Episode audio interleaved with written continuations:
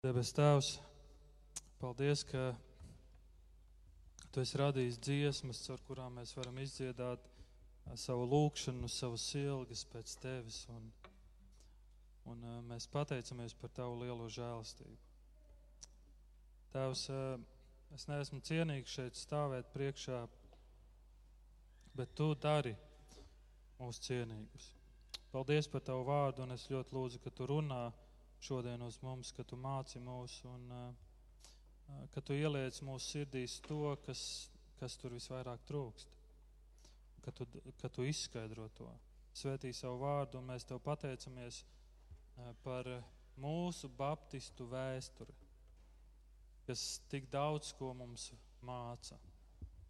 Palīdz, ka mēs ieklausāmies, ka mūsu ausis ir dzirdīgas, ka mēs būtu tie gudrie, kas mācās no vēstures. Un ne tikai no mūsu baptistu vēstures, bet vēl vairāk no tava vārda. Jā, tavs runā, lai tavs svētais gars darbojas. Un paldies, ka mēs varam būt kopā tavā vārdā. Āmen. Lūdzu, sēdieties. Man prieks, man prieks, ka mēs esam šodien tik kuplā skaitā. Tie, kas nezina, mani sauc Raimons. Es esmu viens no draudzes sludinātājiem. Un es gribu pateikt jums lielu paldies par to, ka jūs par to, ka jūs atbildējāt uz šo jautājumu, kas tavuprāt ir evaņģēlijs. Un, un iespējams, tu domā,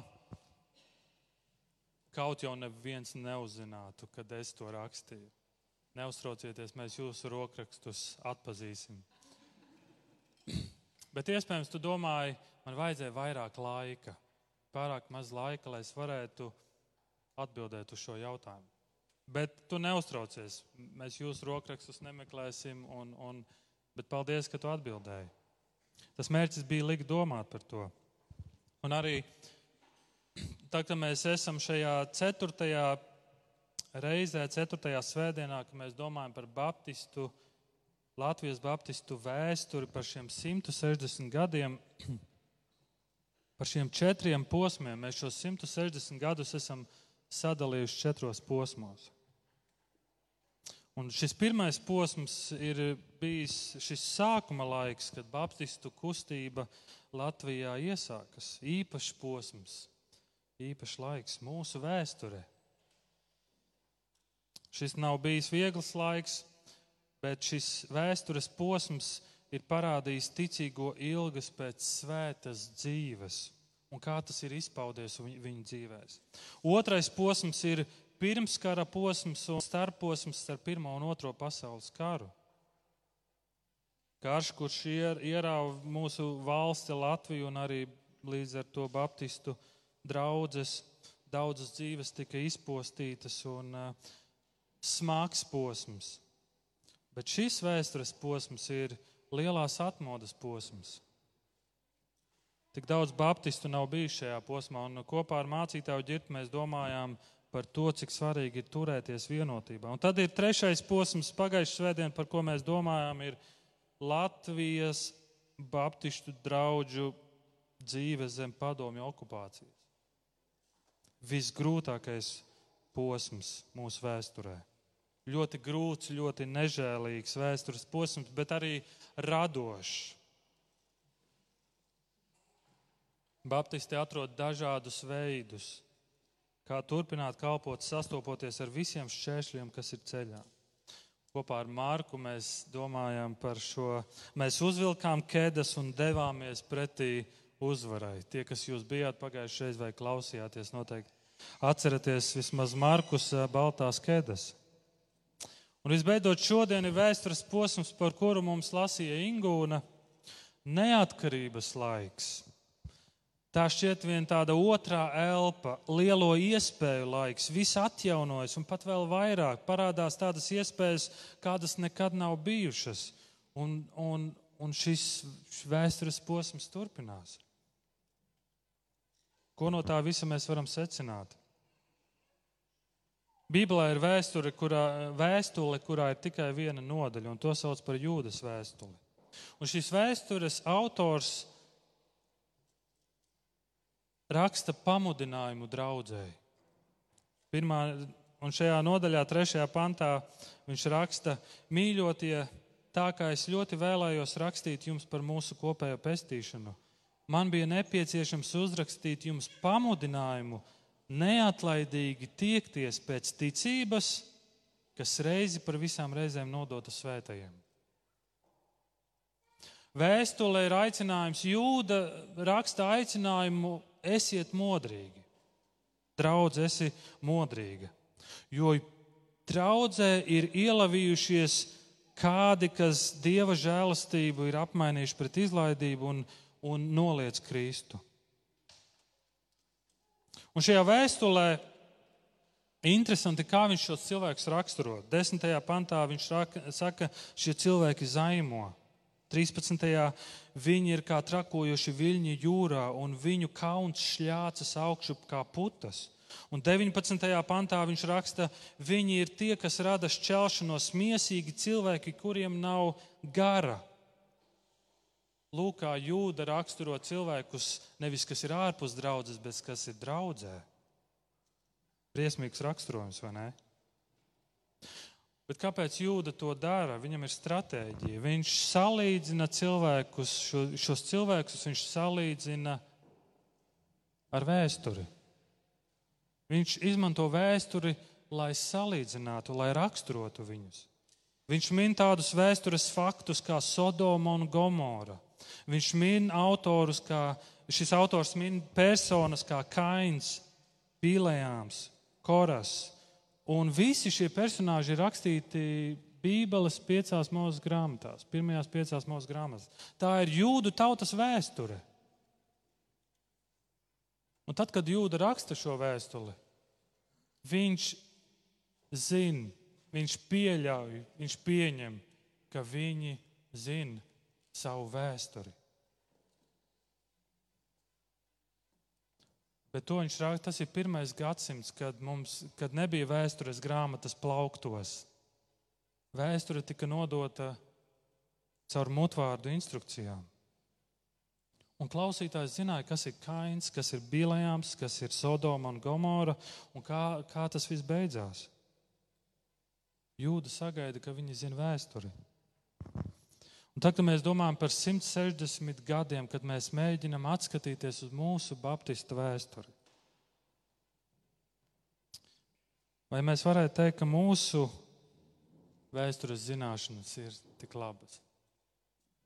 Vai mūsu Bībeles zināšanas standarti šodien ir labāki kā toreiz, pirms simts gadiem? Ko es gribu teikt? Vēsturei ir vērtība kristiešu dzīvē šodien? Vēsturei ir vērtība kristiešu dzīvē šodien. Un tāpēc šodien arī esot šajā posmā, kad ir otrā elpa, kad ir atmoda, kad ir lielās iespējas, kad draudzē ir tik daudz iespējas, es gribu domāt par jautājumu, par jautājumu, un šī ir arī svētdienas tēma, kā nogalināt draudzes identitāti. Kā nogalināt to, kas mēs esam. Es būšu godīgs, šo tēmu es neizvēlējos, tāpēc, ka mācītājs Girts nav šeit uz vietas šodien. Bet pie visām iespējām, kas notiek, domājot par šodienas draugu skatoties uz vēsturi un skatoties, ko Bībele saka, jautājums, kā, kā, kas mums būtu jādara, vai kas kādam citam būtu jādara, lai nogalinātu draudzes identitāti. Un es gribu domāt par trīs lietām, vismaz par trīs. Pirmais - nojausma par evaņģēliju, otrais - pasivitāte, un trešais nerādi citiem, ka esi Jēzus māceklis. Vismaz trīs lietas, par ko es gribu domāt. Un sāksim ar pirmo nojausmu par evaņģēliju. Ir tāds, bija tāds vīrs, Džons Stots, Jānis Stots, kristietis, daudzu grāmatu autors, misionārs. Šim, šim autoram īpaši sirdī bija jaunieši. Viņš daudz sludināja jauniešu misijas pasākumos dažādās vietās pasaulē, un Džons Stots bija dedzīgs Kristus evaņģēlīja aizstāvis. Un Džons Stots stingri iestājās pret liberālo teoloģiju. Un uh, dedzīgs evaņģēlists, un Džons Stots bija viens no mazo grupu pionieriem Un, starp citu, viņš bija arī ļoti dedzīgs ornitologs. Kopumā viņš ir redzējis vairāk kā 2500 putnu sugas. Bet, nu, lūk, ko Stots saka. Vēlns traucē draudzēji ar kļūdām tikpat daudz kā ar ļaunumu. Kad viņš nespēja ievilkt kristiešus grēkā, viņš tos maldina ar nepatiesu mācību. Kad viņš nespēja ievilkt kristiešus grēkā, viņš tos maldina ar nepatiesu mācību. Kā cits Džons, Džons Perkins, mācītājs, cilvēktiesību aktīvists un bībeles skolotājs, lūk, ko viņš saka par savu valsti un kultūru. Kaut kas nav kārtībā Amerikas evanģelizācijas pamatā. Es uzskatu, ka mēs esam zaudējuši evaņģēliju, dieva samierinošo spēku, kas raksturīgs tikai kristietībai, un esam aizstājuši draudzes izaugsmi. Mēs esam iemācījušies pavairot baznīcu bez vēsts. Un tad, kad es domāju par šodienas draugu, mums nav jāskatās Amerikā vai kādās citās vietās, tepat Latvijā. Mēs varam, viena lieta, ko es pamanu, ir tik ļoti daudz laika tiek patērēts domājot un plānojot par to, kur mēs vēlamies doties, kur mēs dodamies. Ka esam pavisam aizmirsuši par to, kur mēs vispār atrodamies, kur atrodas mūsu draudzene, kur atrodamies mēs, kur atrodies tu. Pagājušā nedēļā Man ar eh, vecāko meitu bija iespēja doties uz tēvu un meitu pārgājienu, tāds piedzīvojums, visas dienas piedzīvojums. Vienkārši brīnišķīgs laiks uh, ar meitu. Un, uh, un tas bija vienas dienas pārgājiens pa mežu, piepildīts ar dažādiem uzdevumiem un piedzīvojumiem. Un pasā, pasākuma sākumā mums tika nodotas instrukcijas, tika iedota uh, tēvam un meitai tika iedota karte un kompass. Tika paskaidrots, kā lietot karti, kā lietot kompasu un kā noteikt, kur tu atrodies, lai tu zinātu, kur doties tālāk. Tiek viss paskaidrots, un tad mēs dodamies pārgājienā. Un pirmais pārgājiena posms bija kaut kāds 30 minūtes garš. Mēs visi esam mežā, Un mēs visi dodamies un eh, savam instruktoram sekojam līdzi un dodamies uz kādu noteiktu vietu, uz pirmā uzdevuma eh, eh, punktu. Un tā kā mēs visi tur nonākam, tad mēs visi attopamies, ka vienu lietu, ka vienu lietu mēs neesam izdarījuši. Mēs neskatījāmies kartē, kur mēs atrodamies. Mēs visi vienkārši ejam mežā iekšā, mēs esam mežā, visi priecīgi, esam pie pirmā punkta, būs uzdevums, bet neviens nav skatījies kartē, kur mēs, kur mēs atrodamies. Un tā kā mēs izpildām pirmo uzdevumu, tiek dots otrais uzdevums. Un otrais uzdevums ir, tiek eh, atlikti punkti kartē un saka, jums jādodas uz šo punktu. Ok, meitiņa nāca šurp, pamēlīja tēti, kur mēs atrodamies. Pagaidā tūlīt ļauj man saprast, jūra ir tur, tā ziemeļi tā, un tu skaties kartē, un tu saproti, es nevaru to punkts ir kartē, bet es nezinu, kā līdz turienei tikt, jo es nezinu, kur es atrodos. Es, es, nezinu, kur es, me, es nezinu, kur es atrodos. Kā tu domā, kā jūtas tētis, kad meitiņa ir blakus un domā, tēti, nu dodamies piedzīvojumā? Un tu nezini, kur sākt. Iet pa labi, pa kreisi. Bet, nu, protams, tur bija instruktori, un viņi parādīja, kur mēs atrodamies. Un tad, kad mēs zinām, kur mēs atrodamies, mēs varējām sākt ar norādēm doties uz noteikto punktu. Vai nav bieži vien tā, ka mēs cilvēkam, cilvēkiem bieži vien dodam norādes, kur doties, mēs sakam, ko darīt, bet mēs aizmirstam pateikt, kas viņi ir. Apostuļu darba 19. nodaļā Pāvils dodas uz vietu, ko sauc par Efezu. Un tur ir mācekļi, kuriem ir jautājumi, un tur ir visādas lietas jākārto. Pāvils tur paliek divus gadus, un viņš tur sludina evaņģēliju. Un pēc tam, kad eh, no apakstuļu darbiem 19. nodaļas mēs nonākam līdz atklāsmes grāmatai, šajā grāmatā ir kādi vārdi šai Efesas draudzēji. Atklāsmes otrā, otrajā nodaļā. Bet man pret tevi ir tas, ka tu esi atmetis savu pirmo mīlestību. Tad nu atceries, no kā tu esi atkritis, un nožēlo grēkus un dari tos darbus, ko iesākumā biji apņēmies. Bet, ja nē, es nākšu un nogrūdīšu tavu gaismekli, ja tu neatgriezīsies. Efezieši šī draudzene bija aizmirsuši kaut ko svarīgu, pirmo mīlestību. Viņi bija iespējams tik aizņemti ar kalpošanu Jēzum, ka viņi turpināja dzīvot pieņēmumos par to, kas ir evaņģēlijs. Pirmā lieta, kas nogalina draudzes identitāti, ir dzīve pieņēmumos par to, kas ir evaņģēlijs. Kad draudzes dzīvo pieņēmumos par evaņģēliju, par labajām ziņām, tad neapšaubāmi ar laiku rodas apjukums. Tā notiek galatiešu, kolosiešu draugzēs. Viņiem evaņģēlijs bija Jēzus, jā, Jēzus mani glāb, bet plus darbi, man vēl kaut kas jādara. Tur nāca no malas un teica, jā, Jēzus ir labs, bet vēl kaut kas pietrūkst.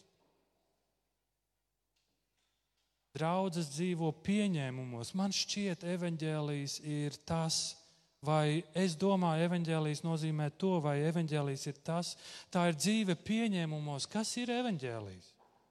Un, ja draugi tajos dzīvo, tad drīz vien evanģēlijas vienkārši pazūd. Cik es zinu, šodien Efezas draudzene nemazām neeksistē. Bet vai nav tā, tā ka draudzes stāsts bieži vien ir mūsu sirds stāsts?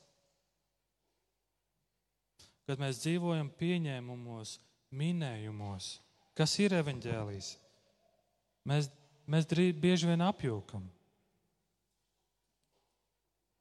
Un drīz vien mēs to pazaudējam. Un tāpēc Pāvils tik ļoti cīnās. Ja tu lasītu Pāvila vēstules un uzdod šo jautājumu, par ko Pāvils tu tik ļoti cīnies, viņš cīnās, lai evaņģēlijs lai šī vēsts ir tik skaidra un nemainīga, lai tā nesajaucas ar neko citu. Vēstulē Efezīšiem ceturto daļu no vēstules viņš velta, lai apkopo, atpakotu evaņģēlijas stāsta patiesību. Un Pāvils atgādina par suverēnu Dievu, kurš sūtīja savu dēlu mirt pie krusta, lai mūs pieņemtu savā ģimenē, izpirktu ar savām asinīm un ar garu mūs aizsargātu uz visiem mūžiem.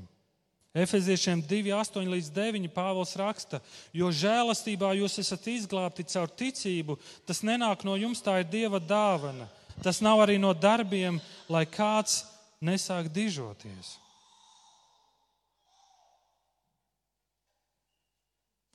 Žēlastībā jūs esat izglābti, Pāvils saka. Tā, žēl, tā ir Dieva dāvana, tā ir žēlastība. Bet kaut kādu iemeslu dēļ mēs evaņģēliju sagrozam, mēs samainam un mēs sakam, caur aktīvu kalpošanu, stratēģijām, darbošanos, jūs esat izglābti. Mēs tiksim glābti, tā ir mūsu nākotne, tas ir mūsu skatījums.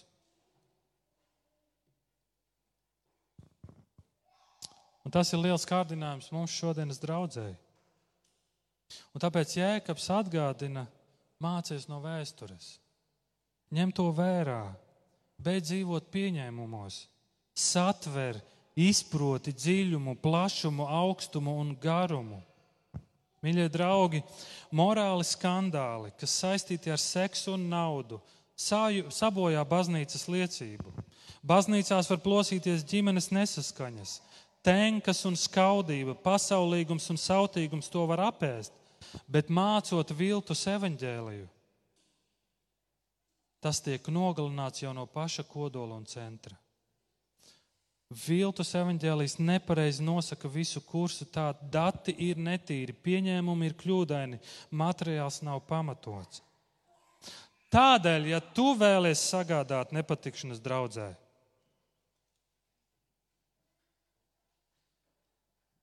sāc mācīt citu evaņģēliju. Mācītājs Marks Devers saka šādus vārdus: Baznīca kas ir neizpratnē par evaņģēliju, ir kā akls taksī vadītājs. Tas ir kā aizmāršīgs vēsturnieks. Tas ir kā mākslinieks, kurš ir daltoniķis. Baznīca, kas ir neizpratnē par evaņģēliju, ir sliktāka nekā nevērtīga. Tā ir bloķēta avārijas izeja, tas ir lifts uz elli. Mārtiņš Luters, kad viņam jautāja, kāpēc viņš 20. reizi sludina taisnošanu tikai ar ticību, viņš teica, ka, ka tas notika tāpēc, ka cilvēki to neatcerējās pēc 19. reizes.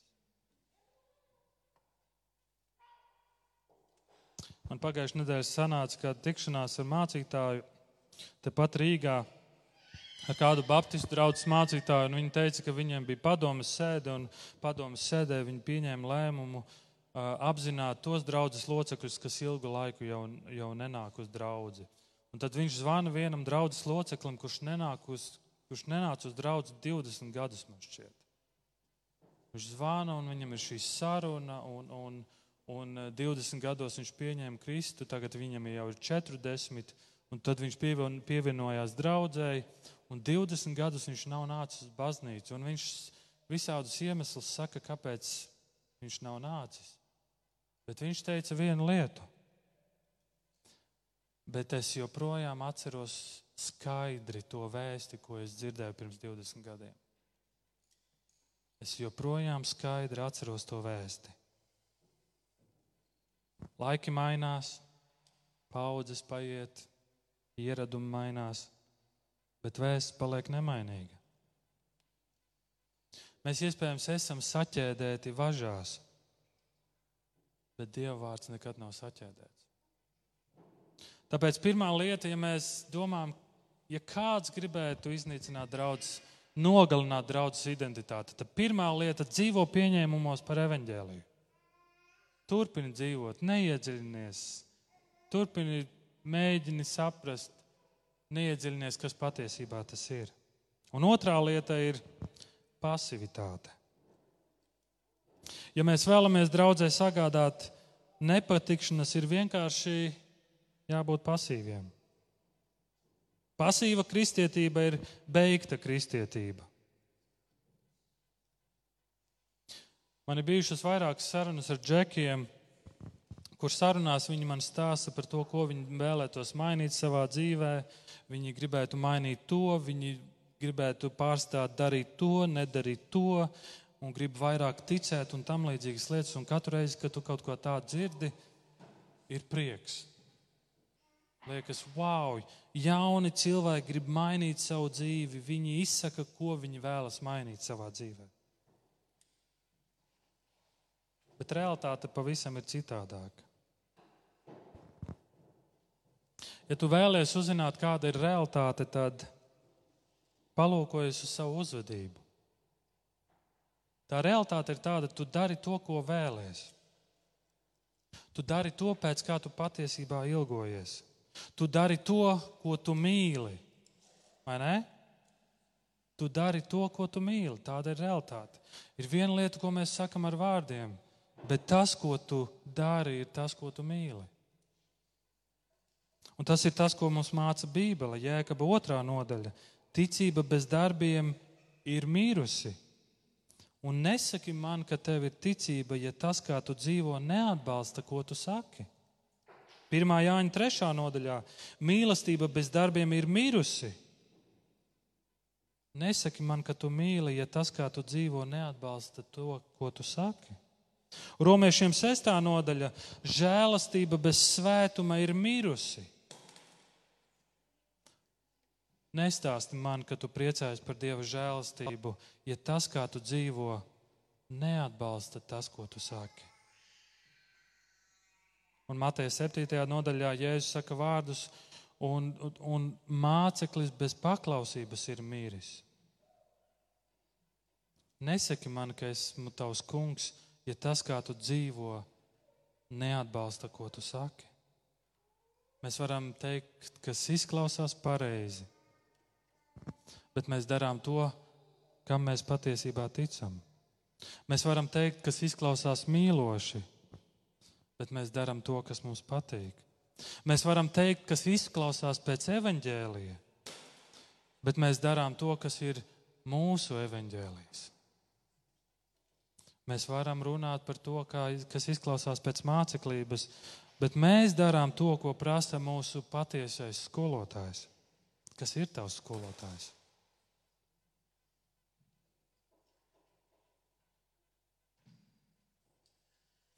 Mēs varētu teikt, bet Raimond dzīve ir sarežģīta. Mēs esam sarežģīti. Tā ir. Kad Bībele bieži vien runā melnbaltos vārdos, mēs ātri vien vēlamies to izmainīt. Mēs vēlamies kādas lietas mainīt, mēs nepiekrītam, mēs izskaidrot dažādus iemeslus, pamatojumus.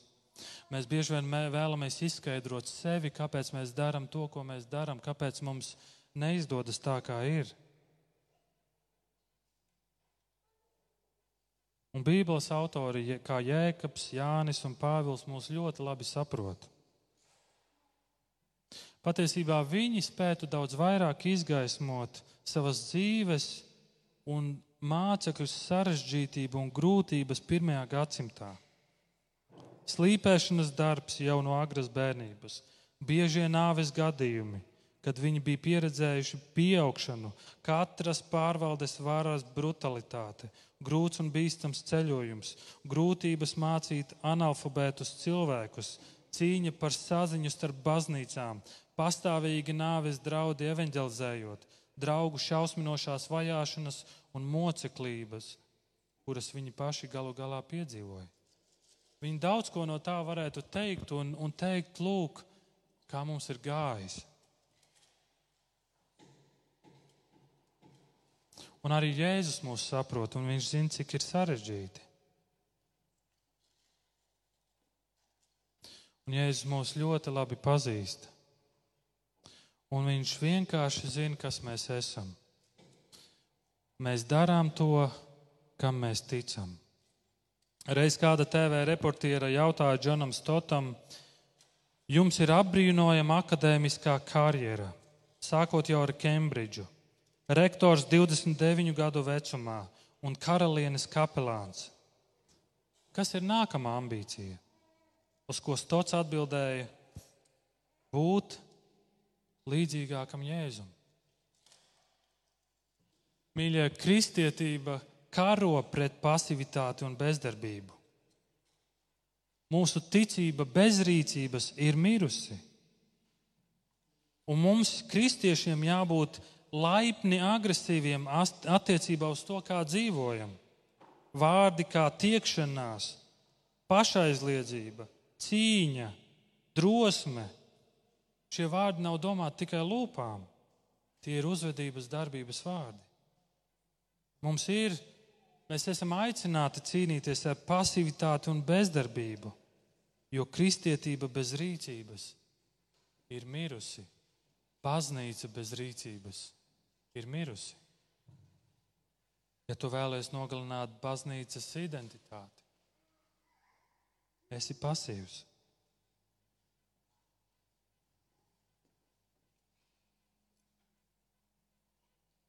Un trešā lieta - nerādi citiem, ka esi Jēzus māceklis. Es atceros, kad es, um, kad es biju jauns, tikko jaunietis, kad es pieņēmu Kristu savā dzīvē, dzīvoju viesītē. Kuri no jums zina, kur atrodas viesītē aptuveni? Brīnišķīgi. Pat puse nav. Ļoti labi. Es dzīvoju viesītē, un tur bija tāda maza baptistu draudzene, un, un, un tās ir manas tādas pirmās garīgās mājas. Un es atceros, kad es jau biju iesaistīts jauniešos, es jau sāku iesaistīties draudzē, mums, mēs jau gājām uz lūkšanas vakariem, uz Bībeles studijām, un, un svētdienās mēs, mums bija koris priekšā. Mēs jaunieši, mums bija jauniešu koris, katru svētdienu dziedājām. Un es katru svētdienu, un es atceros, vienreiz aizgāju uz humpalām un nopirku savu pirmo uzvalku. Pirmais uzvalks un mans pirmais baltais krekls. Un katru svētdienu es uzvilku un gāju šajā uzvalkā uz baznīcu. Un es zināju, tad, kad es gāju pa logu svētdienas rītā, skatīsies tantes, kuras cep pankūkus, rekur Raimons iet uz baznīcu. Es zināju, ka daudzi skatīsies. Un kaut kur zemapziņā bija tā sajūta, jā, man patīk, ka cilvēki redz Raimons baltā, tur kreklā un žaketē dodas uz baznīcu. Paskaties, cik labs piemērs, perfekts cilvēks. Nu, iespējams, viņi tā nedomāja, jo viņi noteikti mani pazina daudz labāk. Bet tad tu domā, kas ir atpazīšanas zīme, ka tu esi Kristus sekotājs? Kas ir šī atpazīšanas zīme, ka tu piederi Kristum? Viena no zīmēm ir tā, ka mēs ticam Dievam. Mēs sakam, mēs ticam, mēs domājam par viņu, un tas ietekmē to, kā mēs skatāmies citiem. Un mūsu, mūsu dzīves stāsta galvenais varonis ir Jēzus. Vēl viena pazīme ir tas, ka tu esi Jēzus māceklis, kāds, kurš seko Jēzum, kurš klausās viņa vārdos, paklausa viņam. Cilvēks, kurš nes augļus, kurš nožēlo grēkus un pakļaujas viņiem. Bet ir vēl viens faktors. Un tas rakstīts Jāņa 13. nodaļā, 34. un 35. pants. Es jums dodu jaunu bausli. Mīliet citu citu Kā es esmu mīlējis jūs, tā arī jūs mīlēt citu citu. Ja jums būs mīlestība savā starpā, visi zinās, ka jūs esat mani mācekļi. Mīliet citu citu. Ja tu vēlies noslēpt, ka tu esi Jēzus sekotājs, pārstāj mīlēt. Pārstāj mīlēt. Jo Jēzus saka, pēc mīlestības jūsu starpā pazīs, ka jūs esat mani sekotāji. Evanģēlists, teologs un mācītājs Francis Šēfers ir sacījis šādus vārdus. Kristiešu mīlestībai vienam pret otru vajadzētu būt atšķirības zīmei, ar kuru pasaule mūs atzīst kā Jēzus sekotājus. Šāda savstarpēja interese un rūpes par otru pārsteigs neticīgo. Šī pasaules atzinība gan godinās Jēzus Kristus vārdu, gan ļaus cilvēkiem klausīties evaņģēlīja vēsti. Mēs nevaram gaidīt, ka pasaule ticēs, ka Tēvs sūtīja dēlu, ka Jēzus apgalvojumi ir patiesi un ka kristietība ir patiesa. Ja vien pasaule mūsos neredz Kristus mīlestības realitāti. Ja vien pasaule mūsos neredz Kristus mīlestības realitāti. Un, mīļā draudzene, šodien, kad mēs domājam par šo ceturto vēstures posmu, par šo iespēju laiku, mēs dzīvojam kultūrā, kad tiek spiests un izteikti akcentēts individuālisms. Un mēs, mēs varam atcerēties šo neseno vēstures posmu, ko mēs saucam par Covid-19 pirmo vilni, un nedod Dievs Latvijā būs otrais. Mēs zinām, kā tas ir, kad, kad mēs nevarējām nākt kopā. Un es atceros to rītu, kad mēs pirmo rītu, kad mēs bijām šeit un mēs gatavojām tiešraidi. Asaras sejās par to, ka draugi nevar nākt kopā. Šodien mēs lasījām vēstures posmu, kad Vīlandes draudzē pēc atjaunošanās laika pirmais dievkalpojums. Un es domāju, kā cilvēki jutās, kad atnāca šeit, vai kāds no šeit esošiem bija šajā pirmajā dievkalpojumā. Paceliet roku, lūdzu. Noteikti pieiet pie šiem cilvēkiem un pajautājiet, kā viņi jutās, kad ir šis pirmais dievkalpojums Vīlandē.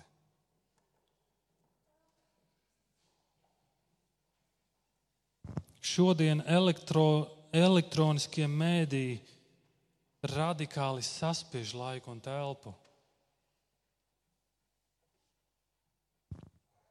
Mēs dzīvojam ilūzijās, mums liekas, mums ir daudz draugi, mums liekas, mēs veidojam attiecības, bet cik bieži mēs ar viņiem satiekamies?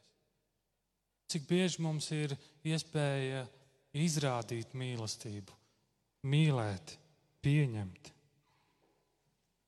Iedomājieties, ja Dievs vienkārši būtu atsūtījis mums Bībeli. Vienkārši vēstījums, vienkārši saziņas līdzeklis.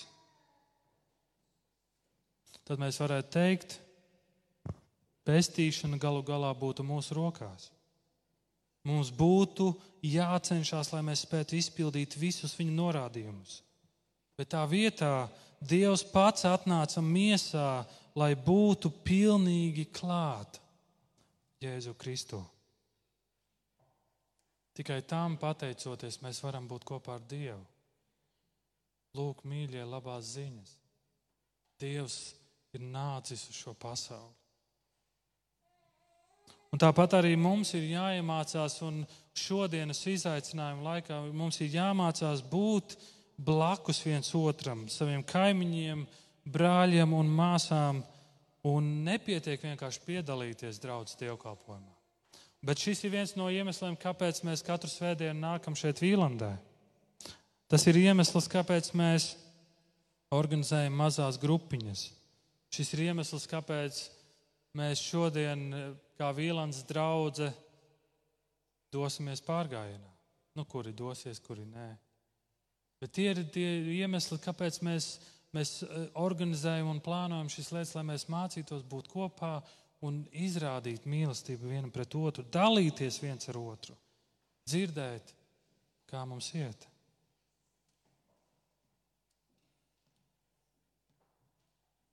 Kopiena, draudzene dabiski izaug no kopīgas pieredzes. Draudze izaug no kopīgas pieredzes. Un jo intensīvāka ir pieredze, jo intensīvāka ir draudzene.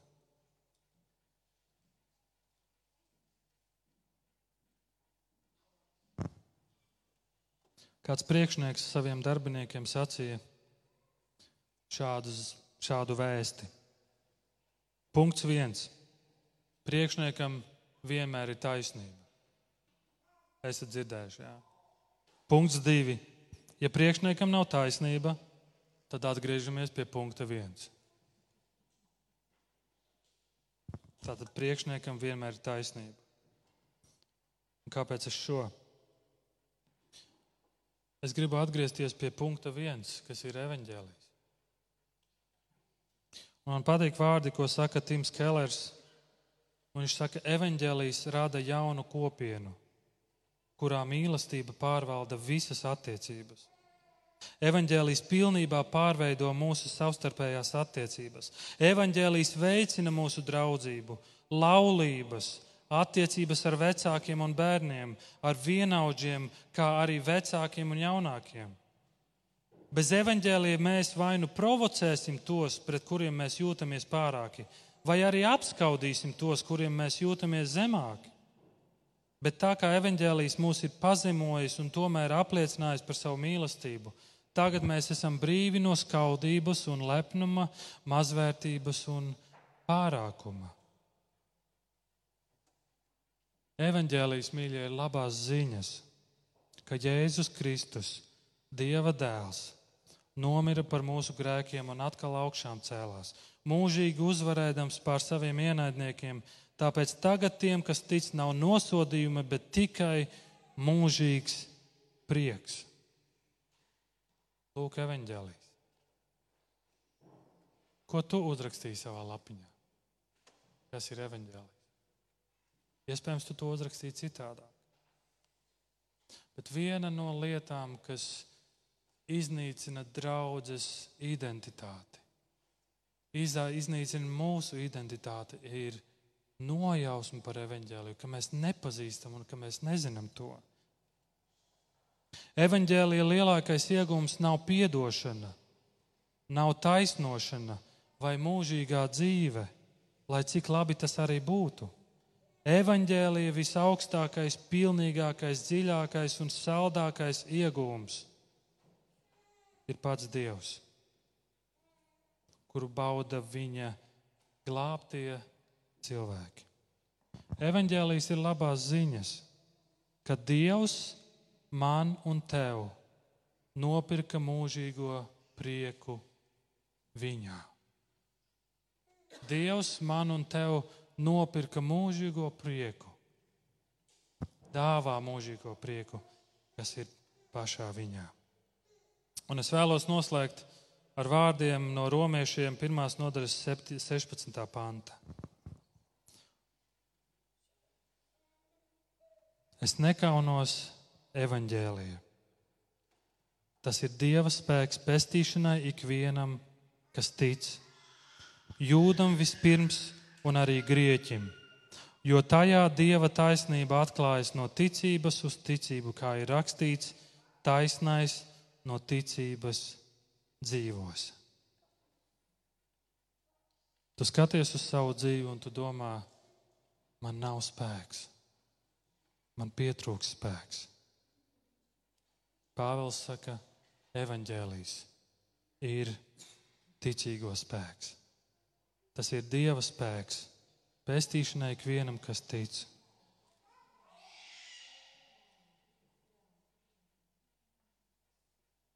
Lūksim Dievu.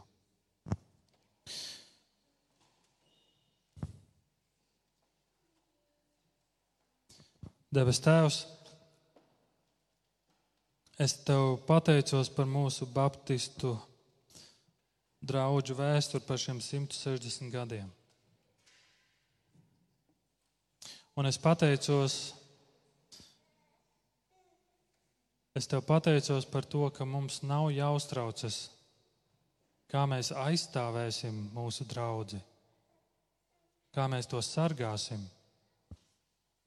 jo tu esi tas, kurš to sargā.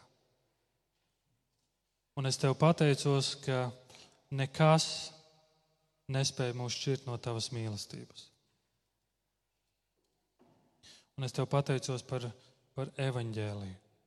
Un tāpēc es lūdzu, kad Vīlans draudzē, kungs, mēs vienmēr turamies pie šī tava evaņģēlīja.